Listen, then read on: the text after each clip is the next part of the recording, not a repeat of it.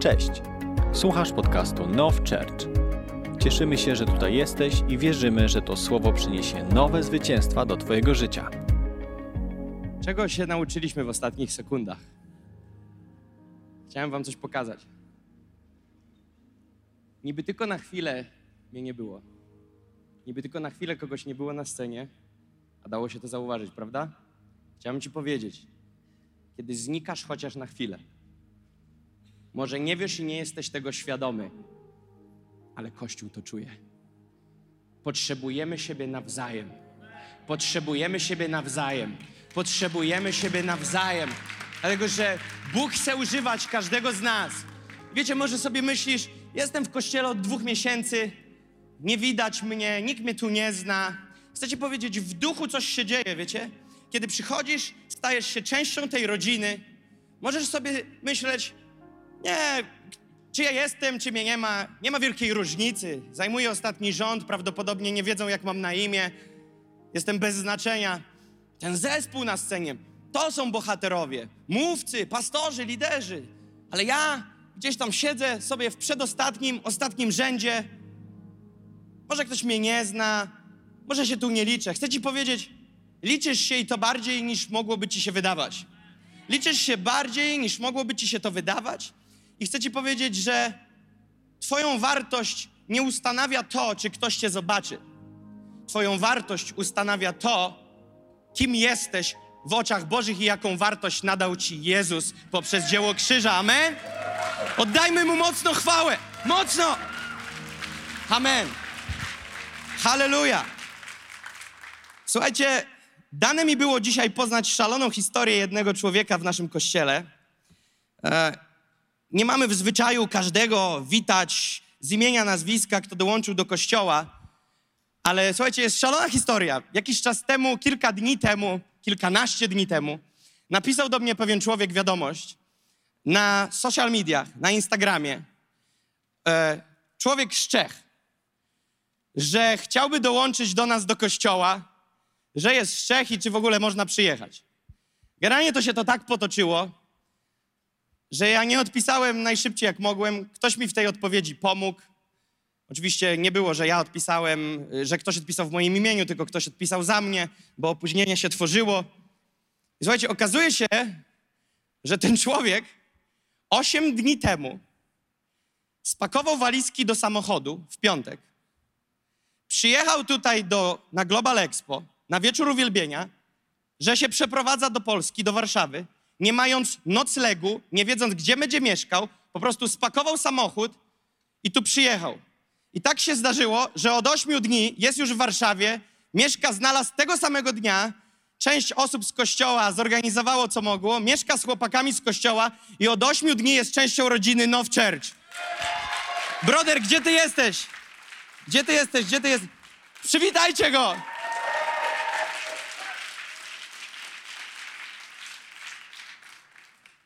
You must forgive me, musisz mi wybaczyć. Wendelin? Wendelin, dobrze zapamiętałem. Wendelin.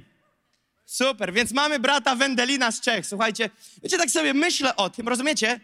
To nie, że masz pięć, pięciu znajomych, dziesięciu kuzynów, przyjeżdżasz do miasta, w którym przygotowali ci drogę, masz zapewnione mieszkanie, tylko pakujesz walizki z innego kraju, zostawiasz wszystko, ale historia jest jeszcze ciekawsza, gdzie ona ma początek. Wiecie, gdzie ma początek? Wendelin przyjechał na jedno ze spotkań, które prowadziliśmy w Czechach i się na nim nawrócił. I tak go strzeliło, że od tamtej pory chodzi nakręcony. A osiem dni temu się spakował walizki i przyjechał do Warszawy. Bóg naprawdę coś czyni. Słuchajcie, Bóg naprawdę coś czyni. Muszę wam przyznać, że jak wiecie, ja nie jestem tym, który e, rob, bawi się w grę słów typu dlaczego śpiewamy Duchu Święty przyjdź, skoro On już przyszedł. Rozumiecie? To po prostu ten, to, to stwierdzenie Duchu Święty przyjdź jest wyrazem ekspresji i desperacji względem Ducha Świętego. My wiemy, że On już przyszedł dwa tysiące lat temu i jest, ale to wyraża naszą desperację. Ale jest mi pewne słowo, które za każdym razem w pewnej pieśni, które śpiewamy tutaj w, w, Now, w Now Church, za każdym razem mam uśmiech na ustach. Znacie tą piosenkę Waymaker. I później jest ten, ten, ta część choć czasem tego nie widzę, ty działasz, choć czasem nie czuję, ty działasz. Za każdym razem, kiedy mam to zaśpiewać i patrzę wokoło, mówię, nie mogę nie uwierzyć, że działasz. Nie mogę nie czuć, że działasz. Wiecie, to jest naprawdę niesamowite. Nie chcę powiedzieć, że doświadczamy przychylności większej niż inni. Nie chcę iść w tą stronę, ale naprawdę doświadczamy przychylności Bożej, prawda? Naprawdę doświadczamy to na tym miejscu Bożej przychylności i nigdy nie zapomnijmy, skąd jest źródło tego wszystkiego. Amen? U Niego jest to źródło, Jemu jest chwała, On jest naszym celem, On jest naszym królem, Jego tu czcimy i dla Niego tu przychodzimy. Słuchajcie, zdaję... Dobra, jak już wszyscy, to wszyscy! Amen. Czuliście, że coś w czasie uwielbienia się działo? Czuliście, że coś się dzieje? Ja dzisiaj od początku dnia czuję, że będzie inaczej, że skończy się inaczej dzisiaj. Że skończy się inaczej niż zwykle. Czuję to, w duchu coś buzuje i jest depozyt do uwolnienia. I zaraz będę chciał podzielić się tym, co jest w moim sercu i co wierzę, Duch Święty kładzie nam na ten dzień, na tą godzinę. Ale chciałbym na chwilę cofnąć się do tego, o czym mówiliśmy tydzień temu. Bądźmy dzisiaj otwarci i szczerzy. Jak wielu z Was ma zawroty głowy po przesłaniu z, tygo, z tygodnia temu? Śmiało. Bardzo się cieszę. Cieszę się też z tych, którzy nie podnoszą rąk i udają, że nie mają. Zdaję sobie sprawę. Użyłem takich stwierdzeń podczas głoszenia, że wkładam świadomie kij w mrowisko. Pamiętacie?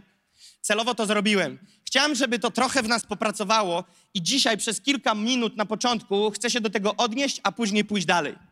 Chcę zawrócić do jednej podstawowej frazy, którą użyłem, ale zanim ją powiem, to powiem wam, z czym się zderzyłem w tygodniu. W tygodniu zderzyłem się z pytaniami ludzi w kościele.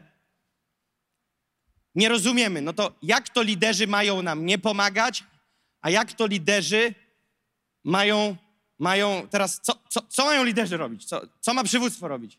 Jako lider ktoś może zapytać, nie rozumiem, to jak ja mam nie pomagać ludziom? A ktoś, kto jest w kościele, kto na przykład należy do grupy, nie jest liderem, ma lidera i przychodzi po tą pomoc i mówi, no to ja nie rozumiem, to teraz to ja, to, to jak to jest? Chciałbym wam powiedzieć, nie powiedziałem ani razu, że lider nie jest do tego, aby wam pomóc. Powiedziałem, że rolą lidera nie jest rozwiązywanie naszych problemów. To jest znaczna różnica. Mamy sobie pomagać, mamy się wspierać, mamy sobie służyć, mamy być dla siebie zachętą i pomocą, ale różnicą jest być dla kogoś pomocą, a różnicą jest oczekiwać, że ktoś będzie miał rozwiązanie na moje problemy. Widzicie to? Kiedy ja miałem przeprowadzkę, generalnie policzyłem, że to była, to, to jest mój 17 adres, pod którym mieszkam w życiu już. Mam 20, to jest 29 rok mojego życia i to jest moja 17 adres, pod którym mieszkam. Trochę tego było, więc mam trochę wprawę w przeprowadzkach i dalej tego nienawidzę. I powiem wam, że użyłem wiel, wielkiej pomocy wielu ludzi, ale to ja z moją żoną się przeprowadziliśmy. To nie ludzie mnie przeprowadzili. Oni mi pomogli się przeprowadzić. Niektórzy pomogli pakować do kartonów. Niektórzy pomogli zaklejać kartony. Niektórzy znieśli te kartony. Niektórzy je rozpakowali. Niektórych kartonów nie pozwoliliśmy dotykać. Niektóre zachęciliśmy. Ale najlepsze było, przeprowadziliśmy się do, w bloku mieszkamy, który, który ma naście pięter do góry. Nie, nie jest to Złota 44, bo zaraz będą historie. Przeprowadziliśmy się do, do bloku, który ma kilkanaście pięter do góry i mieszkamy na 16 piętrze. Słuchajcie, była tam akcja, że w tym mieszkaniu, które wynajmujemy, tam było łóżko, którego my nie chcieliśmy. I wyszła taka historia, że trzeba było je wynieść. A do windy się nie zmieściło. Więc ktoś pomógł mi znosić to łóżko. Tymek, który dzisiaj na początku nabożeństwa was przywitał. Tymek i jeszcze jeden Herkules. Pomagaliśmy sobie, we trójkę znosiliśmy łóżko z 16 piętra. Powiem wam, rzeźnia stra straszna. To jest masakra jakaś, co to się działo. Te zejście z 16 piętra z tym łóżkiem było słabe. Ale, ale to ja się przeprowadziłem. Oni mi pomogli. Wielu ludzi mi pomogło. Ale to ja kroczyłem tą drogą i wchodziłem w nowy sezon. wielu ludzi mi pomogło. Wielu ludzi mówiło, nie będzie tak źle. Ja mówię, co ty tam wiesz, człowieku, masz cztery przeprowadzki, jak karkujemy 17. Ale dzięki za słowa zachęty. Były słowa zachęty, były propozycje wsparcia, ale to ja musiałem dokonać tego tranzytu w moim życiu. I tak samo jest w naszym chrześcijańskim życiu. To my idziemy do przodu. Duch Święty wyposaża nas w swojej mocy i daje nam ludzi, którzy nam pomagają na każdym etapie naszego życia. Ale to my idziemy dalej. I powiem Wam, że z tymi ludźmi, którzy są postawieni przez Boga w naszym życiu, na naszej drodze, to jest tak, że są dwa rodzaje znajomości, tych Bożych. Niektóre znajomości Bóg daje na jakiś sezon i koniec. Jest po prostu ktoś, kto pomaga ci przejść przez pewien sezon, jest postawiony przez Boga jako taki Eliasz dla Elizeusza, który doprowadza cię w Bożym prowadzeniu do pewnego miejsca i wtedy jest tak zwany switch, jest zmiana i Bóg stawia na twojej drodze kolejnych ludzi. Natomiast druga, drugi rodzaj znajomości to są znajomości permanentne i niekiedy, tak jak się zaczęły, tak będą trwać aż do końca. To Bóg stawia nam właściwych ludzi. Ja mówię teraz o ludziach w kontekście mentorów, liderów, przywódców. Wiecie, że każdy lider, każdy mentor, każdy przywódca ma pewien kapitał przez Boga złożony do tego, aby przekazać go następnym ludziom. I może się okazać pewnego dnia, że, twoje, że twój wzrost i twój poziom nagle zaczyna przerastać poziom twojego nauczyciela. Może być, że twój nauczyciel się zatrzymał w rozwoju, pofolgował sobie, a Bóg w twoim życiu robi takie pozytywne zamieszanie, że pędzisz jak Formuła 1 i wtedy Bóg postawi na twojej drodze kolejnych ludzi. Dlatego, że uważaj, zawsze Bóg chce, aby na twojej drodze stali właściwi ludzie. Zawsze. Ci ludzie mogą się czasami rotować, ale mówię tu cały czas, nie mówię w kontekście kolegi, koleżanki, przyjaciół, nie mówię w tym obszarze. Mówię w obszarze kogoś, kto jest dla ciebie takim Eliaszem, a ty jesteś takim Elizeuszem. Bóg zawsze postawi dla Jozułego Mojżesza. Ale zobaczcie, co się stało. Nagle Jozue usłyszał, Jozue, sługa mój Mojżesz umarł. Wstań. Teraz jest twój czas. Wiecie, jest moment, w którym przechodzisz na kolejny poziom. Ale chcę ci powiedzieć jedną tajemnicę. Nie ma takiego poziomu, w którym zostajesz sam. To jest od A do Z, mogę z tym walczyć, kto powie mi inaczej. Nie ma miejsca, w którym dochodzisz do takiego poziomu objawienia, że zostajesz już na szczycie piramidy. Już tylko ty i Pan Jezus. Nie. Takiego modelu nie zaplanował nam król. Król nam zaplanował model, że jesteśmy otoczeni i scaleni, zespoleni ze wzajemnie zasilającymi się stawami. I wtedy jesteś umiejscowiony we właściwym miejscu, wśród właściwych ludzi, którzy są dla ciebie takim bezpiecznikiem, buforem doradczym, głosem rozsądku, ale i niekiedy kimś, kto da ci pstryczka w nos. Takiego plum. I ty wtedy, o, chyba trochę się upiłem w ostatnich miesiącach, wiem o co chodzi. W duchu, wiesz, upiłeś się i nagle ktoś ci przychodzi i mówi, plum, pobudka, to nie jest tak, jak myślisz.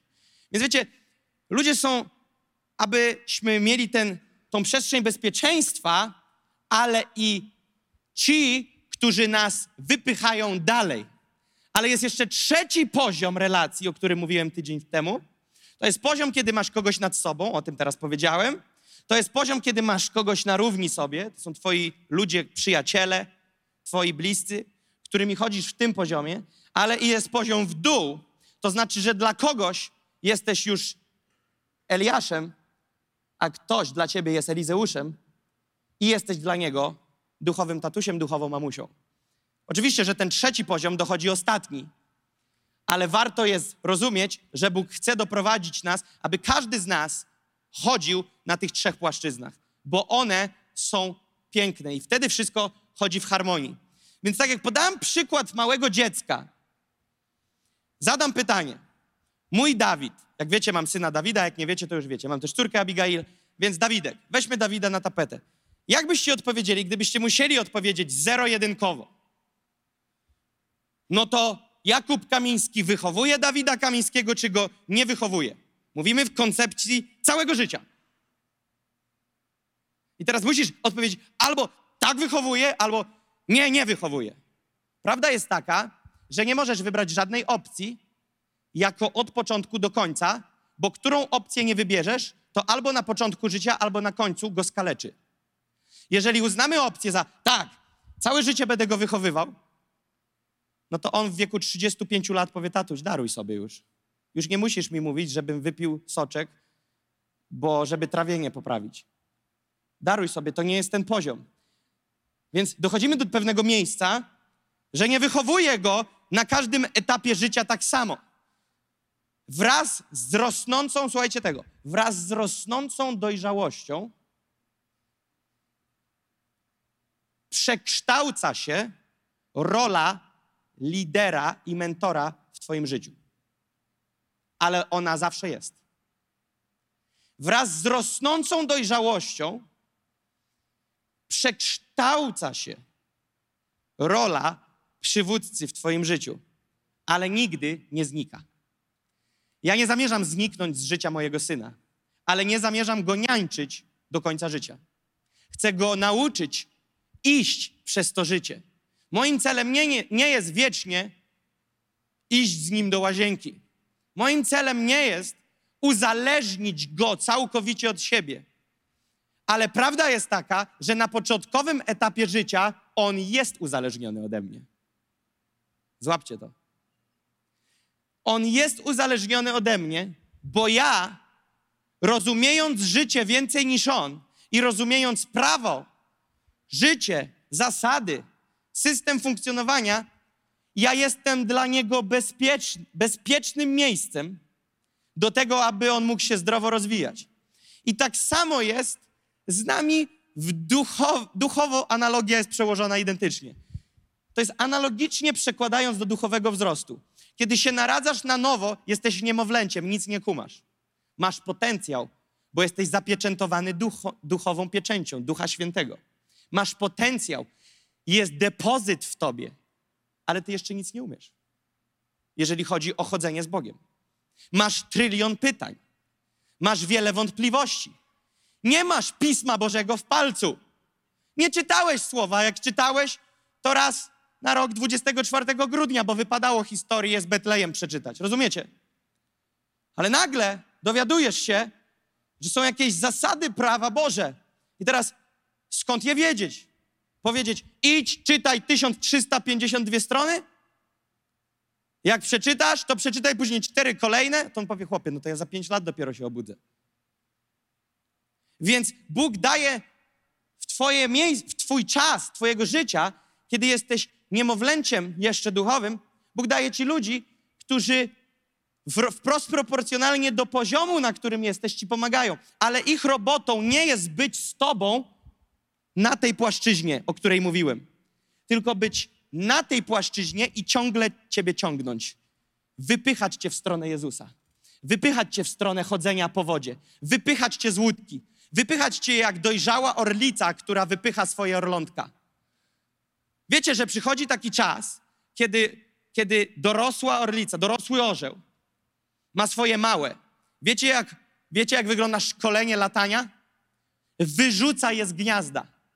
One spadają i pachnie śmiercią. I wtedy na sam koniec, przed samym końcem, orlica je podłapuje od spodu. Przynosi ponownie do gniazda i orlątka mówią, wariatka. Wariatka. Ty widziałeś, co matka robi? Pokręciło ją do kwadratu. Człowieku, módlmy się o upamiętanie. Człowieku. Rozumiecie? I matka mówi, ok, odpoczęliście, tętno ustabilizowane? Jeszcze raz. Bum! Skrzydłem na... Nie, no zabije nas! Gdzie my trafiliśmy? Łapiecie już? Gdzie my trafiliśmy? To jest jakieś wariackie środowisko. Wykończą nas. Bum, orlica spod spodu. Boże. Mówisz, że całe stworzenie macie oddać chwałę. Jak? Jak nas zabiją. Jak? I nagle orlica, bum, kolejny raz, kolejny. I wiecie co nagle? Nagle te mikroskrzydełka. Zaczyna być tam malutkie orlątko, zaczyna być świadome swoich skrzydeł. Wiesz, kiedy jest świadome swoich skrzydeł? Kiedy zostało wyrzucone z gniazda. Celem przywództwa jest nauczyć cię latać z Duchem Świętym. Halleluja! Widzicie, mówiłem tydzień temu o takiej terminologii, którą jest służba ducha. Pamiętacie to? I powiedziałem, że teoretycznie to jest masło maślane, bo nie ma założenia służby w kościele bez służby ducha. Nie ma czegoś takiego jak usługiwanie bez ducha świętego. Usługiwanie bez ducha świętego to jak włączyć tu światło, ale nie doprowadzić prądu do obiektu. Nie ma szans. Nic się nie wydarzy.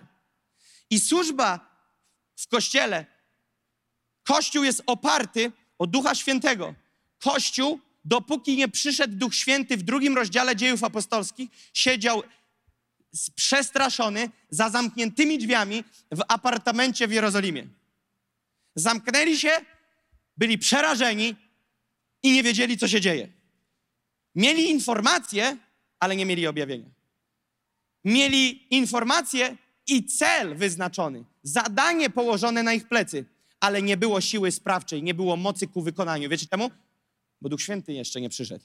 I kiedy przyszedł Duch Święty, Duch Święty sprawił, że wola Boża względem Kościoła może być zrealizowana, bo Duch Święty jest mocą Bożą ku wykonaniu woli Ojca. Duch Święty jest mocą Bożą. Oczywiście, że jest On osobą, ma wolę, intelekt i emocje, ale mówię teraz w tym obszarze, w tym kontekście. Duch Święty jest mocą Bożą ku wykonaniu woli Ojca, ale przez to, że mówię mocą Bożą, nie chcę, żebyście zrobili z Ducha Świętego coś, bo jest to ktoś.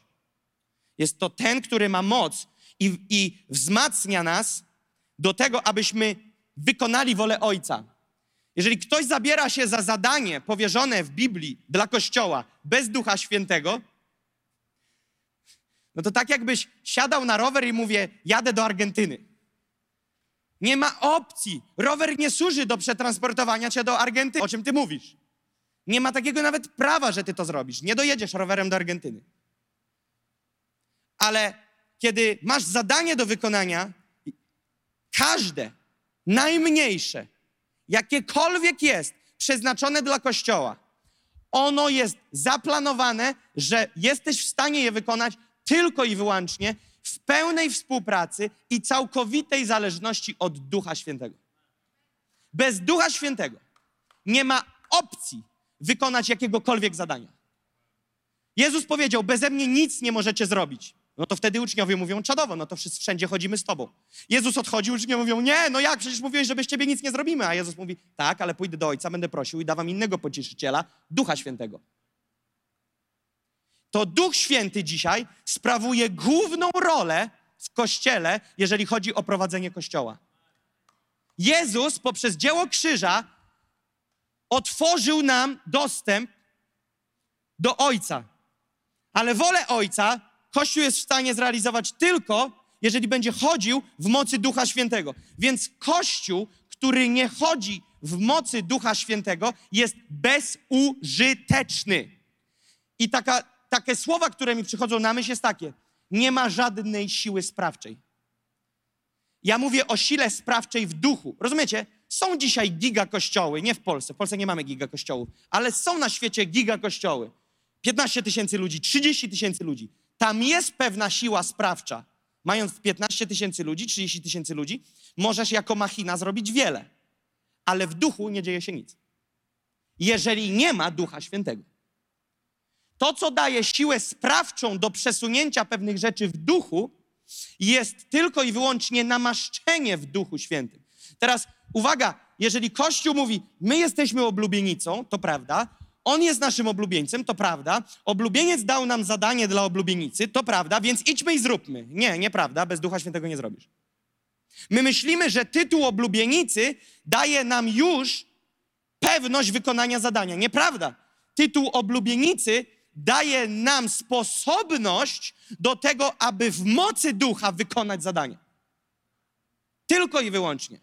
Dlatego jest taki nacisk w kościele tutaj na Bożą obecność, na relację z Duchem Świętym, bo bez Ducha Świętego nic się nie wydarzy w życiu Kościoła, nic się nie wydarzy przez Kościół na zewnątrz i nic się nie przesunie w Twoim życiu.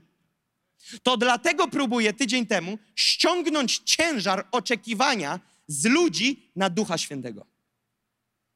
Bo człowiek sam w sobie nie ma, sam jako człowiek, nie ma nic do zaoferowania drugiemu człowiekowi, jest tak samo w potrzebie jak ten drugi.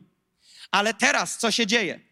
Chciałbym, żebyśmy otworzyli, ja dzisiaj celowo nie podałem, żeby to było na ekranie. Będziemy jechać szybko, ambitnie, dynamicznie, tak czułem, żeby nie pokazać tego na ekranie. Pierwszy list świętego Pawła do Koryntian 12, 1 do 11. Pierwszy Koryntian 12, 1 do 11.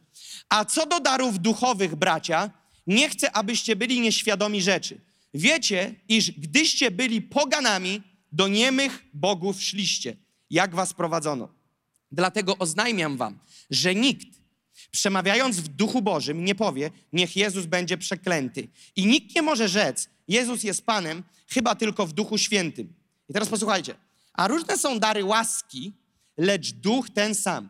I różne są posługi, lecz Pan ten sam. I różne są sposoby działania, lecz ten sam duch, ten sam Bóg, który sprawia wszystko we wszystkich.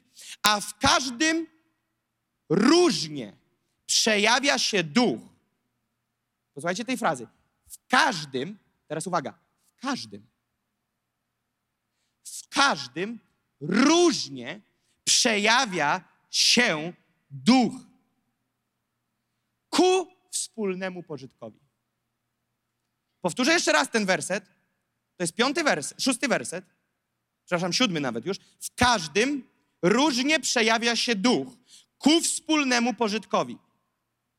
Jeden bowiem otrzymuje ducha, przez ducha, mowę mądrości. Drugi przez tego samego ducha, mowę wiedzy. Inny wiarę w tym samym duchu. Inny dar uzdrawiania w tym samym duchu. To jest bomba. Inny jeszcze dar czynienia cudów. Inny dar proroctwa. Inny dar rozróżniania duchów. Inny różne rodzaje jej języków. Inny wreszcie dar wykładania języków. Wszystko to zaś sprawia jeden i ten sam duch, rozdzielając każdemu poszczególnie jak chce. Bam. Widzicie, co tu się dzieje? Teraz znacie kogoś, kto ma te wszystkie dary? Ja znam, Jezus. Jezus chodził operując w tych wszystkich darach. Ale nie ma pomiędzy nami na tej sali, nikt nie ma, nie ma ani jednej osoby na tej sali, kto ma wszystkie te dary. Ale ma dostęp do tego ducha, który ma te wszystkie. I teraz słuchajcie, co się dzieje.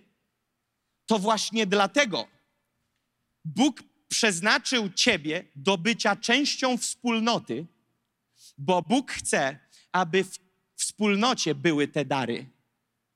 Nie będzie człowieka prawdopodobnie, który będzie operował wszystkimi darami, bo grozi pychą taką mocną. Więc Bóg rozdziela te dary na ciało, tak, że Jego celem jest, aby w kościele były te dary, ale przejawiały się przez poszczególne członki. Widzicie to? Wtedy tworzymy całość. Tworzymy Boży porządek. I pomyśl teraz, chociażby tym przykładem, ile tracisz, jeżeli nie jesteś częścią kościoła lokalnego. Moim celem nie jest przekonywać cię, że warto, bo jesteście tu. Moim celem jest pokazać, jaka jest głębia tej sprawy. Kiedy jesteś w kościele, który nastawia się na Ducha Świętego, wtedy Duch Święty udziela te dary poszczególnym członkom, rozdziela, Biblia mówi, jak chce, i wtedy Duch Boży przez te dary przejawia się przez ludzi ku wspólnemu pożytkowi. Czad, co? Nagle ktoś ma wie, wie, słowo wiedzy. Nagle ktoś ma wejrzenie w duchu, coś widzi. Nagle mądrość słowa. Nagle jakieś objawienie. Nagle modli się innymi językami, a drugi to wykłada. To jest bombka, co? I powiem wam, że ten rok jest rokiem uwolnienia darów do kościoła. Ten rok jest rokiem uwolnienia darów w kościele. Ale zanim one zostaną udzielone, my musimy mieć świadomość, że On chce. On chce. On chce udzielić dary Kościołowi przez swego ducha. Bóg Ojciec, Król Jezus Chrystus, głowa Kościoła, chce udzielić przez swego świętego ducha dla Kościoła swoje dary. I On rozdziela poszczególne dary. To nie jest tak, że pojedynczo, limit jest do jednego. Nie wykupiłeś subskrypcji na dwa, trudno. Nie, nie, nie. Nie, to nie jest tak. Nie chcę tworzyć tu jakiejś dziwnej historii. I nie mówię, że nie można mieć wszystkich, mówię, że pachnie niebezpieczeństwem.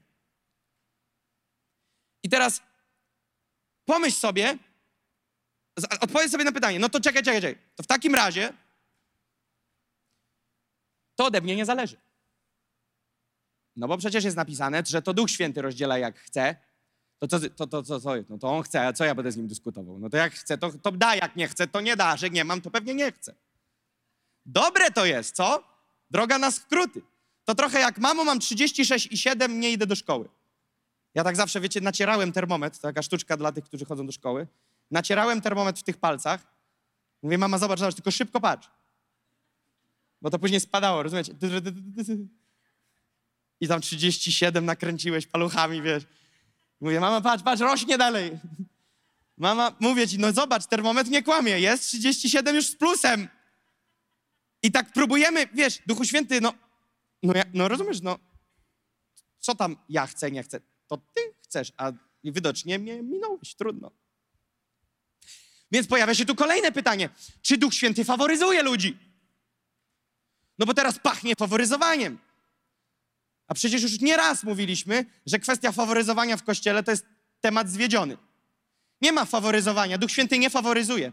Wiesz, czego Duch Święty szuka? Ludzi poddanych. Kropeczka i nic więcej. Ten, kto jest poddany, stoi szerokim otworem. Jeżeli nie jesteś poddany, nic nie dostaniesz, bo Biblia mówi: Bóg się pysznym sprzeciwia, a pokornym łaskę daje. Dary łaski, Biblia mówi. Biblia mówi o darach łaski. Więc jeżeli chodzisz w pokorze, chodzisz uniżony przed Bogiem, ta pokora wylewa się też na zewnątrz, to jesteś automatycznie, położyłeś CV na biurko w niebie, dzień dobry, zgłaszam się na stanowisko narzędzia w darach ducha do operowania w church. No w church. Chciałbym się zgłosić. Wiecie, ale kiedy nie rozumiemy, jak to działa, wychodzimy do przodu, zamknięci, pyszni, nie będąc gotowymi na zmiany i mówimy, Boże, udziel mi tych darów, zmień mnie, szabadaba i tak dalej. I wracamy smutni, że nic się nie wydarzyło. Bo to, co się wydarza, to nie na twoich ustach, a w twoim sercu. Między naszymi ustami a naszym sercem powinna być spójność, jedność. Nasze usta nie powinny blefować. Nasze usta powinny być odbiciem tego, co jest w sercu. I na ile usta a serce stają się jedno, a twoje serce jest przemienione, wtedy twoje usta są przemienione, wtedy twój charakter jest przemieniony, wtedy mówię ci, że dzieją się rzeczy. I Duch Święty chce udzielić darów ducha na tym miejscu. Wiecie, to nie jest tak, że ja teraz pojadę za tydzień do Czech i w Czechach też palnę. To jest rok udzielenia darów. W maju pojadę do Estonii, powiem, to jest rok udzielenia darów, bo to jest takie, wiecie, gdybanie religijne, daj komuś nadzieję, bo fajnie brzmi. Nie, nie, nie. Ja naprawdę odbieram, że ten rok w życiu naszego Kościoła jest rokiem, w którym Duch Święty chce udzielić dary do Kościoła. Dlatego, że Kościół potrzebuje darów. To ciało potrzebuje darów. Pamiętacie historię? Nie, bo będziecie znowu mówić, że za późno na obiad poszliście. Idziemy dalej. Ewangelia Marka 13. Okej. Okay. Słuchajcie, to jest właśnie mój ból co tydzień. Ja tak bardzo czekam na te seminarium. Tak bardzo czekam na Now School, bo tam w końcu będzie można łupać po cztery sesje w dwa dni. i będzie można coś wyłożyć. Amen? Wiecie, że co tydzień, równo co tydzień, kiedy głoszę, jak nie głoszę, to wtedy nie, ale co tydzień mam pokusę i może wy mi powiecie, co z nią zrobić, żeby ogłosić, że za tydzień nastawmy się na trzy sesje. Rozumiecie? Trzy sesje, dwie.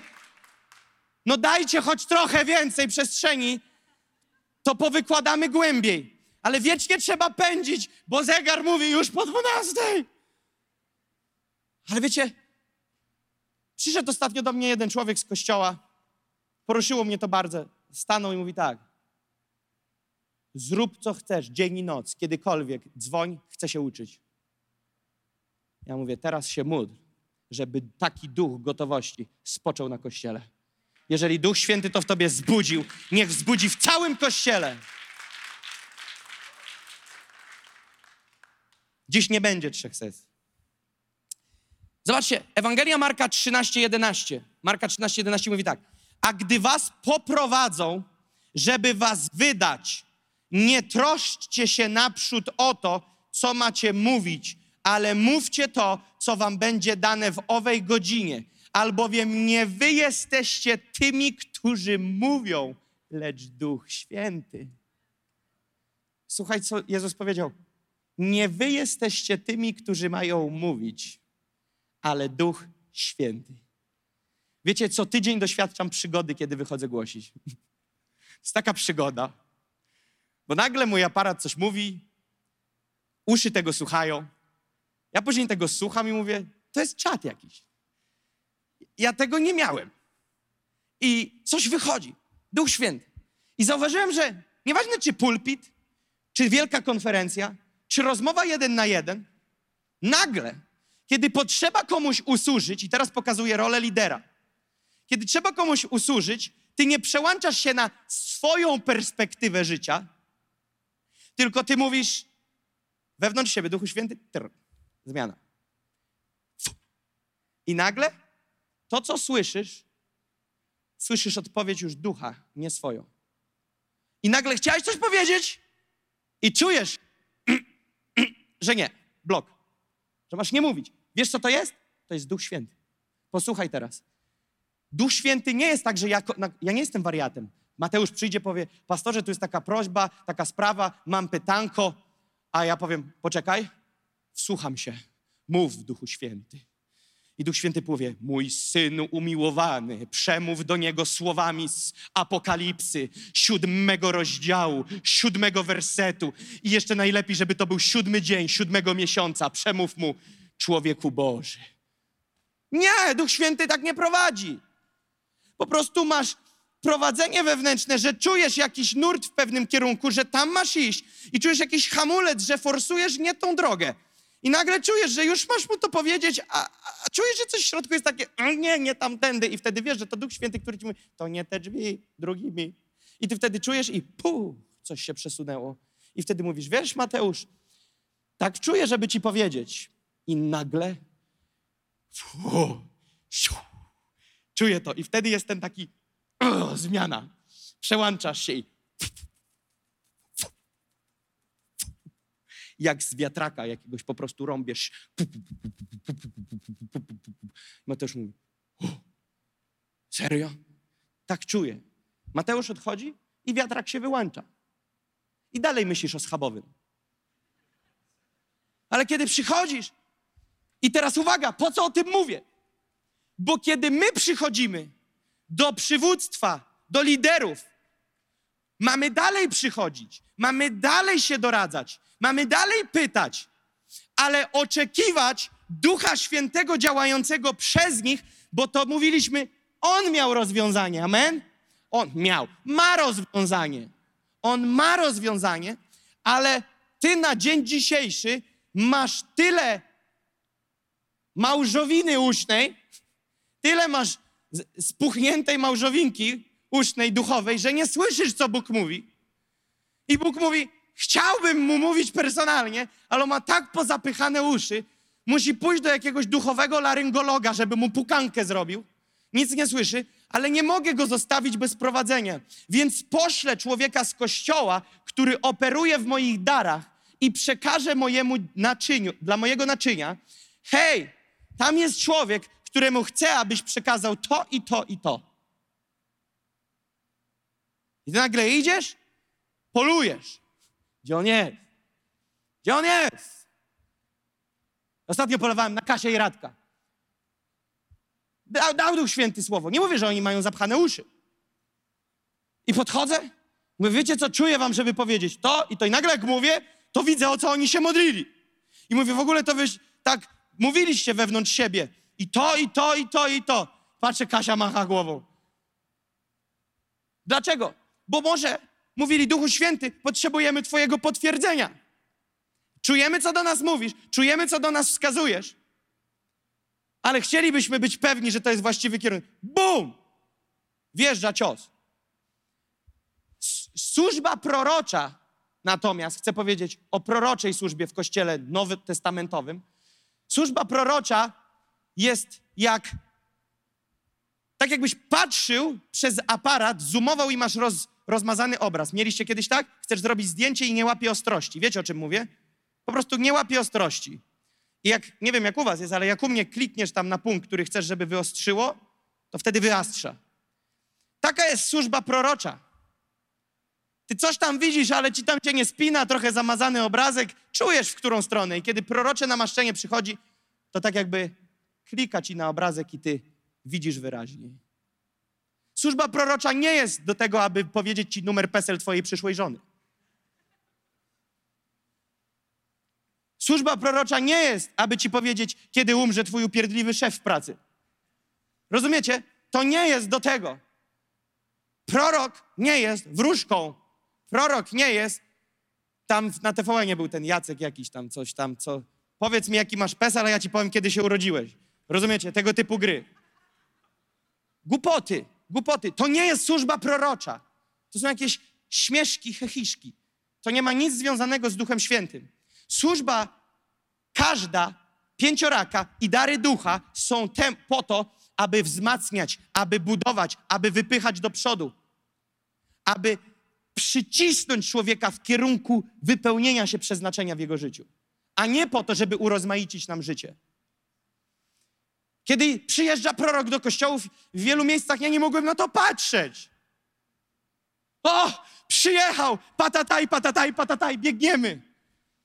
I nie byłem, słyszeliście już to, kolejki się ustawiają. O, długa kolejka, to ja może zdążę ziemniaki wstawić, jedna mówi. To ja będę za tobą, pilnuj kolejki, jakby przyspieszało, bo to wygląda na godzinkę, to, to zadzwoń, jakby przyspieszało, dobra?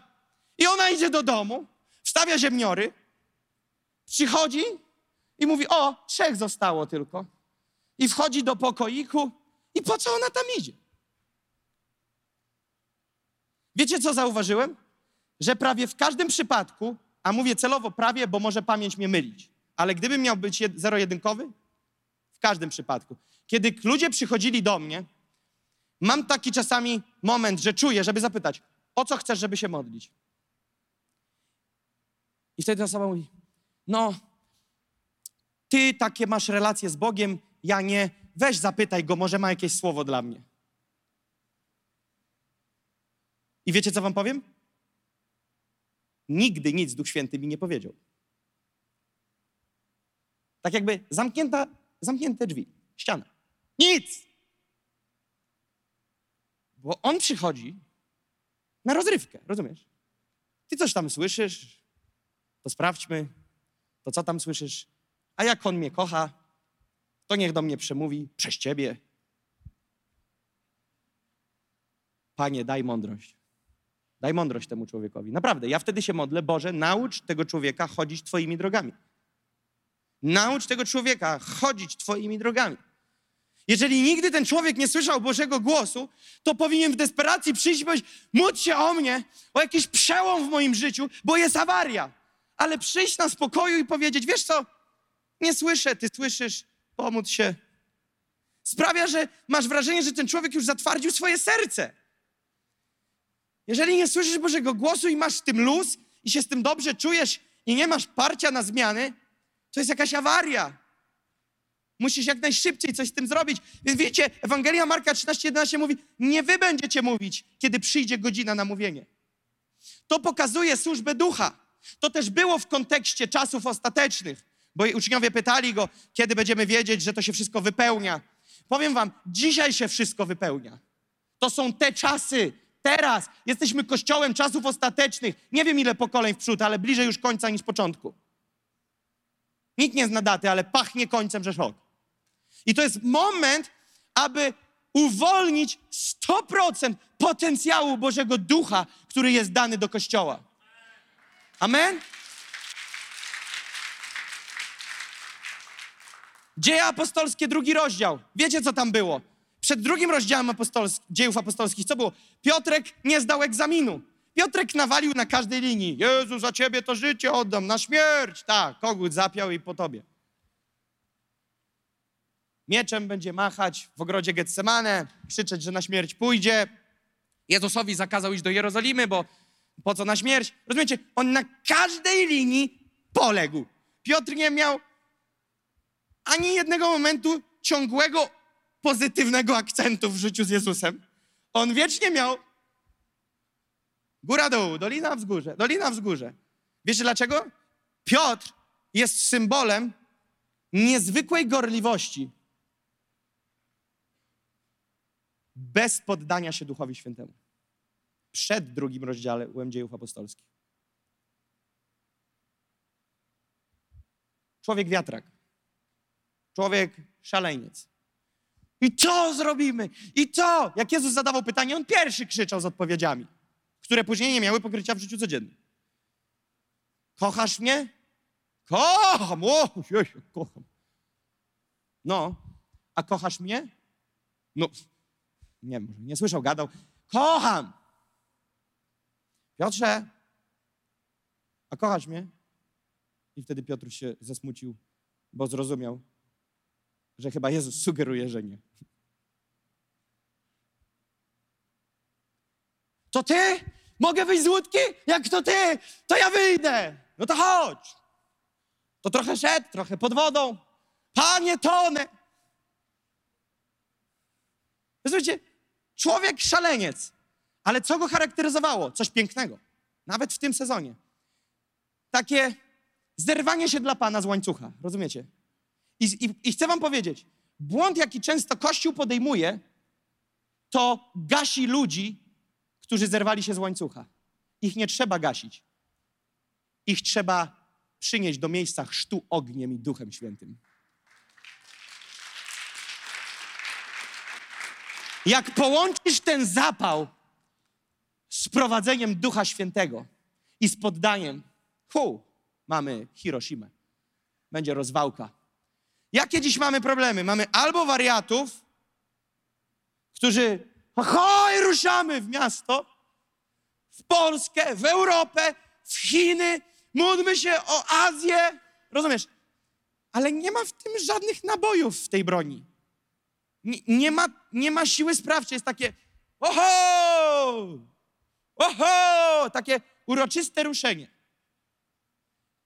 I czasami mówisz, no dobra, to ruszaj. Sam musisz się dowiedzieć, co będzie za tydzień. Ruszaj.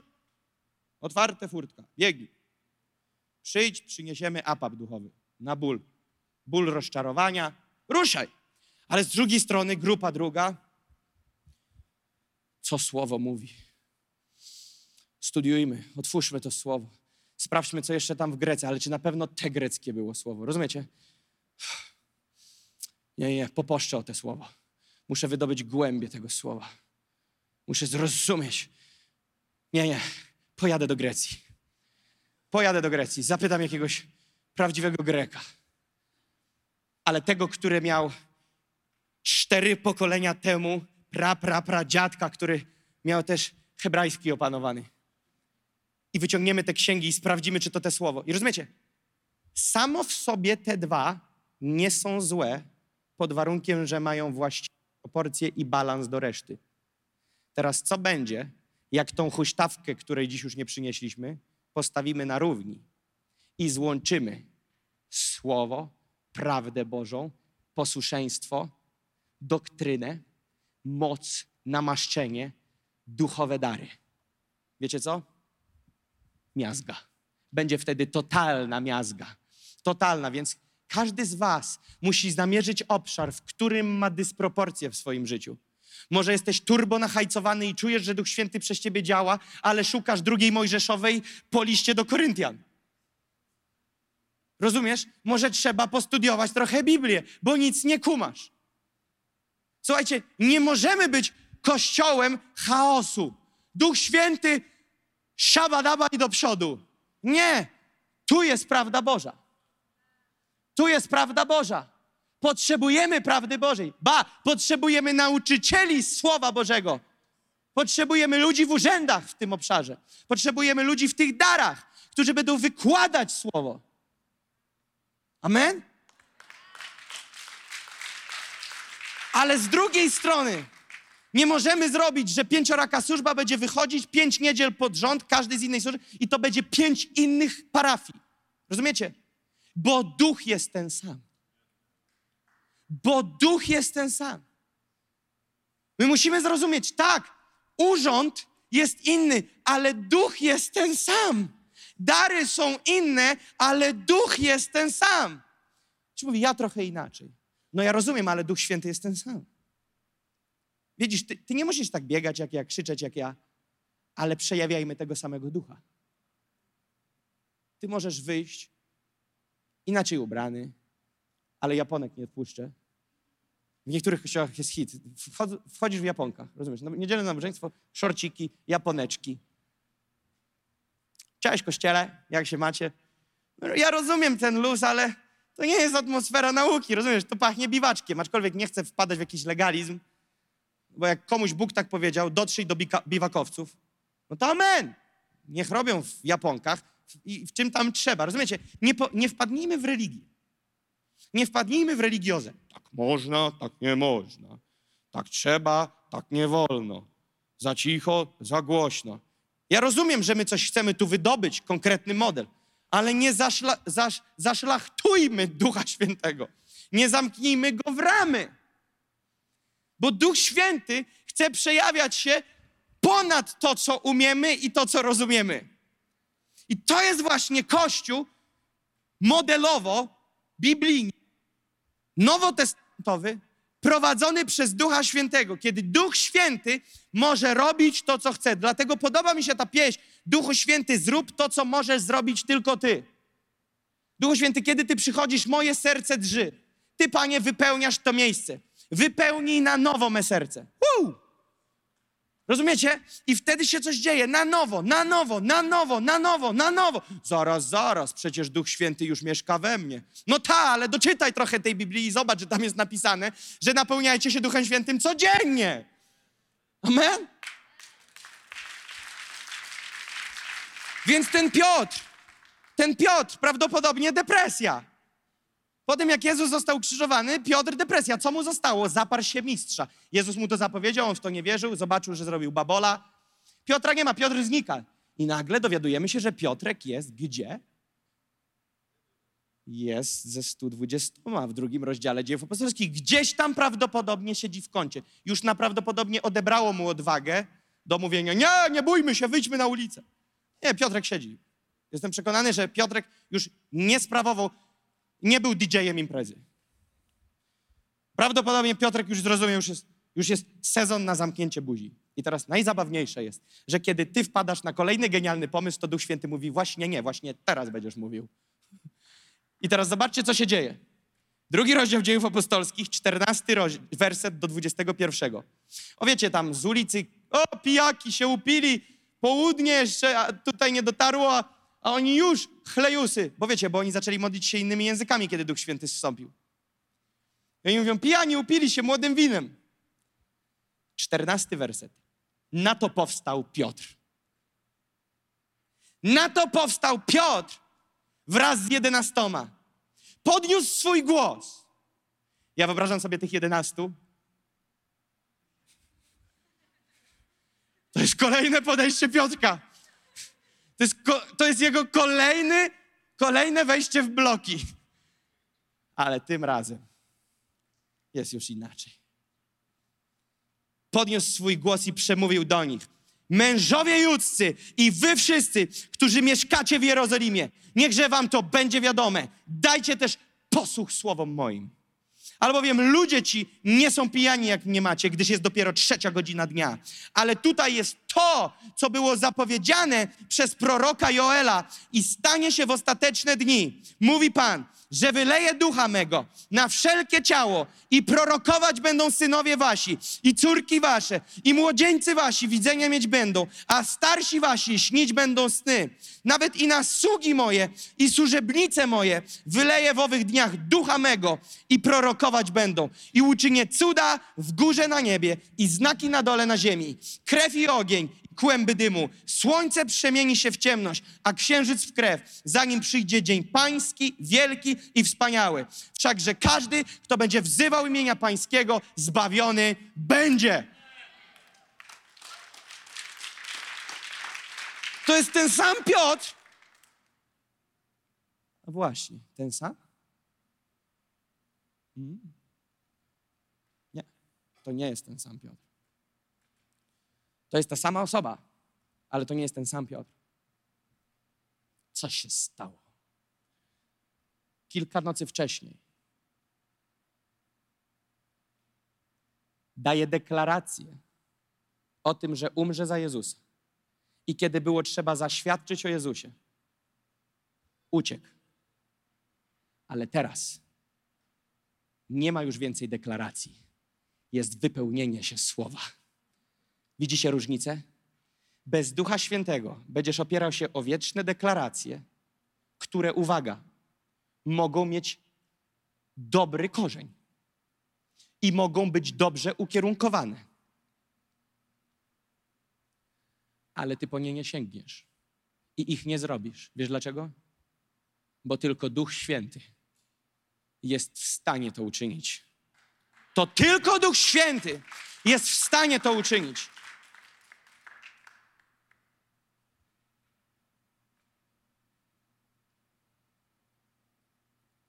Pierwsza Samuela 10:6. Ja cię. To nie jest ważne, ale mam gęsią skórkę na całym ciele. Teraz przy tym wersecie. O. Pierwsza Samuela 10:6.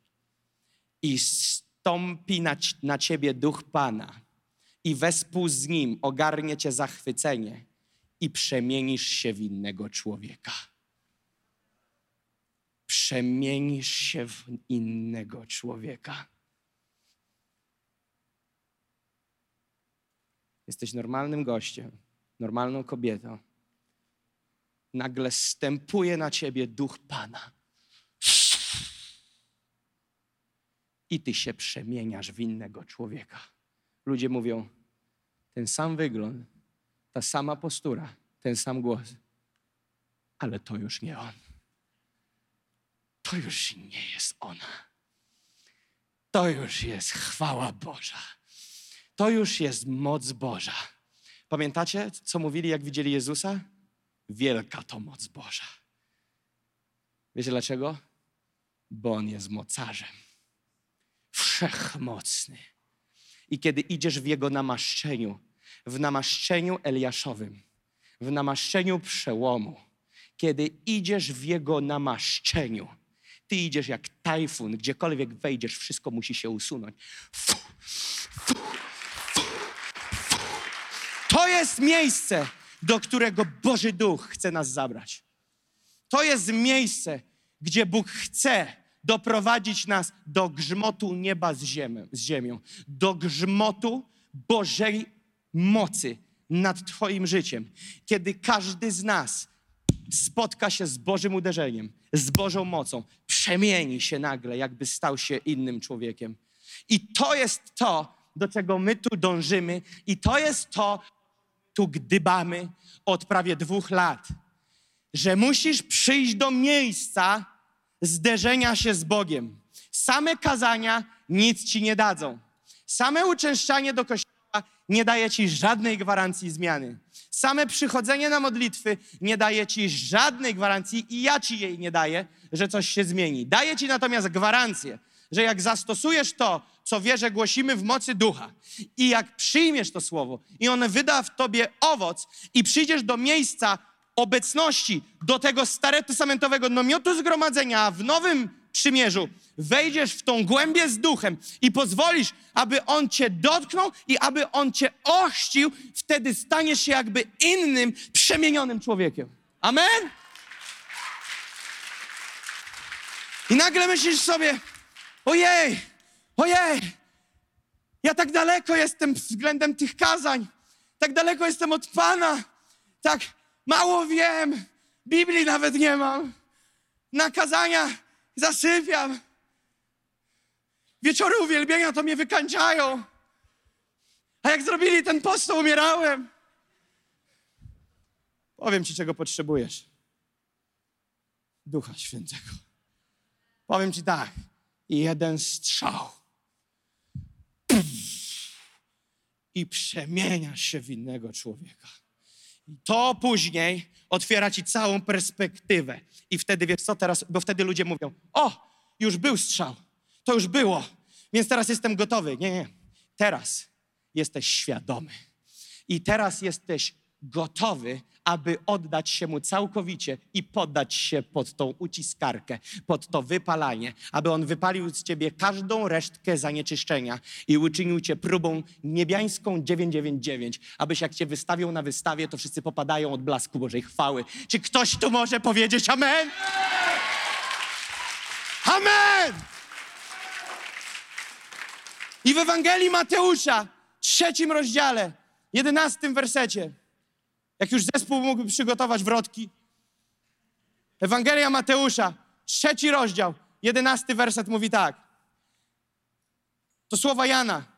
Ja was chrzczę wodą ku upamiętaniu, ale ten, w mojej Biblii jest ten z dużej litery, ale ten, który po mnie idzie, jest mocniejszy niż ja.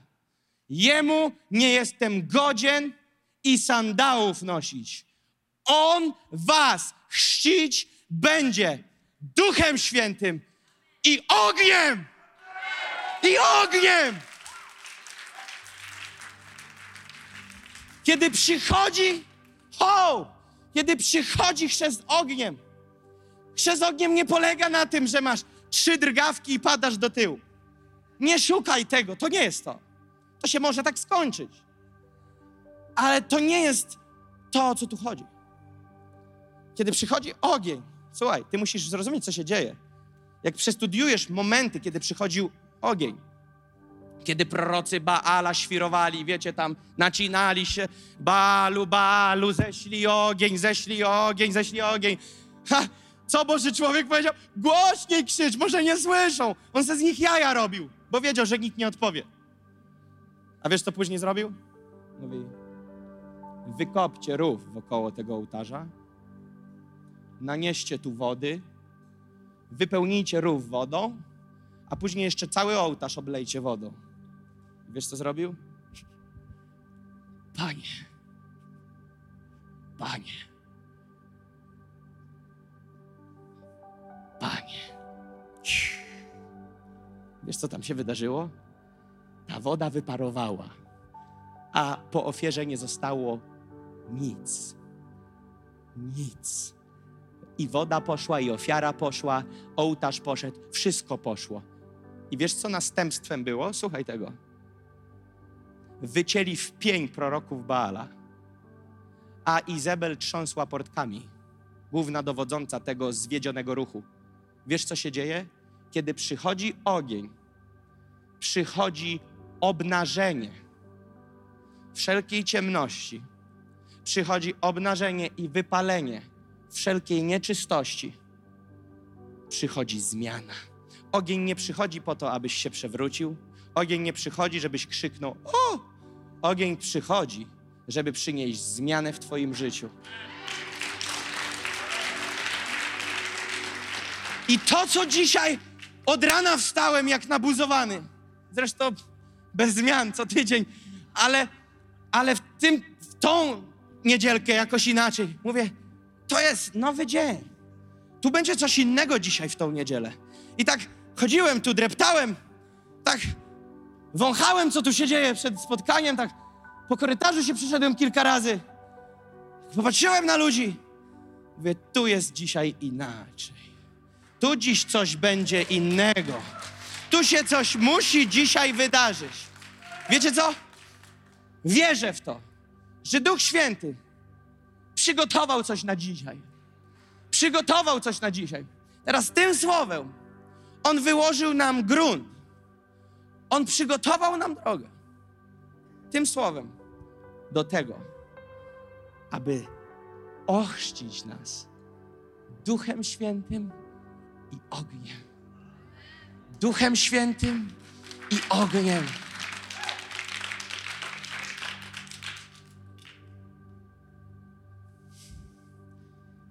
Nie nudzi ci się już? Bezowocne życie chrześcijańskie? Nie wnerwia cię to? Bo mnie irytuje to, że wiem, że jest więcej i chcę po to sięgnąć. Chcę sięgnąć po więcej. Chcę sięgnąć po więcej. Nie interesuje mnie 98%.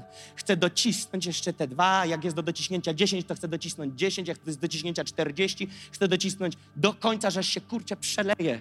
Stówka. Wiesz dlaczego? Żyjemy w czasach łaski. Za Joela, co pisali? Jeszcze pykniemy szybko z Joela, szybciutko. Szybko, co napisali? Co napisali w Joela? Już lecę. Jest. A potem wyleję mojego ducha na wszelkie ciało. I wasi synowie i wasi córki prorokować będą, wasi starcy będą śnili, a wasi młodzieńcy będą mieli widzenia. Także na sługi i służebnice wyleję w owych dniach mojego ducha i ukażę znaki na niebie i na ziemi, krew, ogień i słupy dymu. Słońce przemieni się w ciemność, jak księżyc w krew, zanim przyjdzie ów dzień wielki, straszny dzień Pana. Wszakże każdy, kto będzie wzywał imienia Pana, będzie wybawiony, gdyż na górze Syjon i w Jeruzalemie będzie wybawienie, jak rzekł Pan, a wśród pozostałych przy życiu będą ci, których Pan powołał. Poznajcie teraz w piątym wersecie, co jest napisane. Wszakże każdy, kto będzie wzywał imienia Pana, wezwij dzisiaj imienia Pana. Wezwij dzisiaj, powiedz, Panie, dosyć mułowania, dosyć blokowania. A nawet jak już fajnie idzie, to powiedz, Panie, nie chcę się zasiedzieć, przykręć mi trochę silnik, stuninguj mi o jakieś 500 koni. Chcę być wyścigową Twoją, chcę być Twoim myśliwcem. Wiecie, co pomyślałem, jakbym nie był pastorem, to bym był pilotem myśliwca. I sobie tak pomyślałem, a czemu nie połączyć dwa w jednym? Czemu nie być takim duchowym pilotem myśliwca? Rozumiesz? Podrywasz. Wstajmy, kościele! Wstajmy, kościele! Wstajmy, kościele! Wiecie, to jest czas! Ten rok jest, o! Naprawdę, naprawdę. Postaw sobie oczekiwania w tym roku. Nie ma szans, abym się minął. Nie ma szans, abym się minęła. Nie ma szans, aby cokolwiek mnie minęło. Już teraz, słuchajcie, niech obudzi się w nas duch modlitwy. Niech obudzi się w nas rezonans z tym słowem. Ja wierzę, że Duch Święty budzi, budzi, budzi, budzi. Duchu Święty, Duchu Święty, my chcemy Ciebie. My chcemy Ciebie. My chcemy Ciebie. My chcemy tutaj Ciebie. My chcemy Ciebie, Jezu. Canto, corele rebene, surele rebene saja. Holy shato corele rebene, surele rebene saja. Corele rebene, satore rebene, shibre rebene saja. Shandore rebene, sato corele rebene, surele rebene saja. Holy Ghost. Holy Ghost. Wiecie, będzie wezwanie teraz. Chciałbym, żebyśmy spróbowali sprawnie, służba porządkowa, jeżeli może, ale pomóżmy też służbie porządkowej. Pierwsze dwa, trzy rzędy spróbujmy usunąć do boków, bo będzie wezwanie. Zróbmy nawet to, wiecie, bez wielkich tam pięknych modeli, po prostu ogarnijmy to do boksu w miarę sprawnie. Zróbmy miejsce, żeby tutaj można było przyjść do przodu.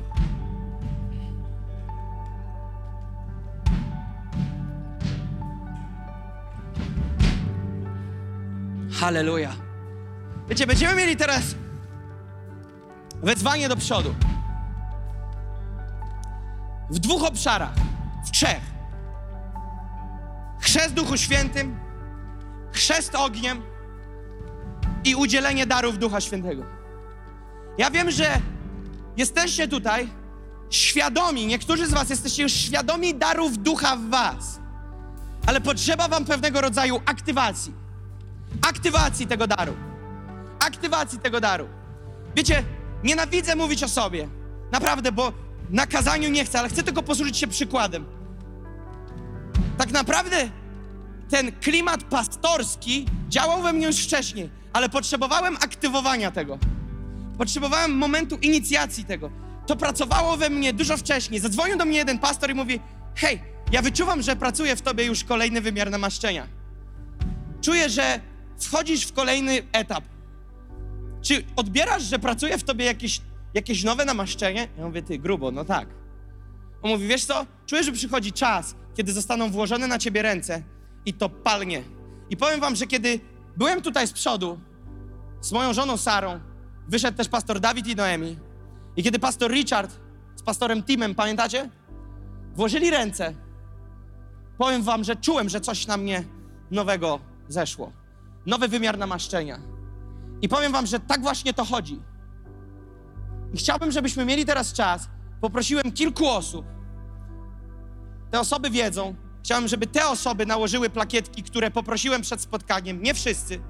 Dzisiaj grupa modlitwy jest zawężona. Jeżeli macie swoje plakietki, jeżeli możecie, to jest 6-7 osób, które poprosiłem, aby były.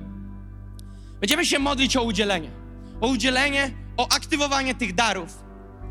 O chrzest ogniem. O działanie Ducha Świętego. Po prostu przestrzeń Ducha Świętego. Więc chciałbym, abyśmy teraz wrócili do tego, zdziwię was, żywego uwielbienia. Chciałem, żebyśmy zaśpiewali Duchu Święty, stąd dziś, kiedy Ty przychodzisz, moje serce drży. Zaśpiewali te trzy pieśni, które tam były. I żebyśmy mieli czas teraz, kiedy podczas uwielbienia skupimy się na nim, a kiedy osoby od modlitwy będą czuły, pójdą i będą się modlić. Także jeżeli jesteście tymi osobami spragnionymi, nie pobudzonymi emocjonalnie, ale spragnionymi, czujesz, że się w tobie aż gotuje, to przyjdź do przodu. Przyjdźcie do przodu. Oddajmy się uwielbieniu całkowicie teraz. Duchu Święty. Holy.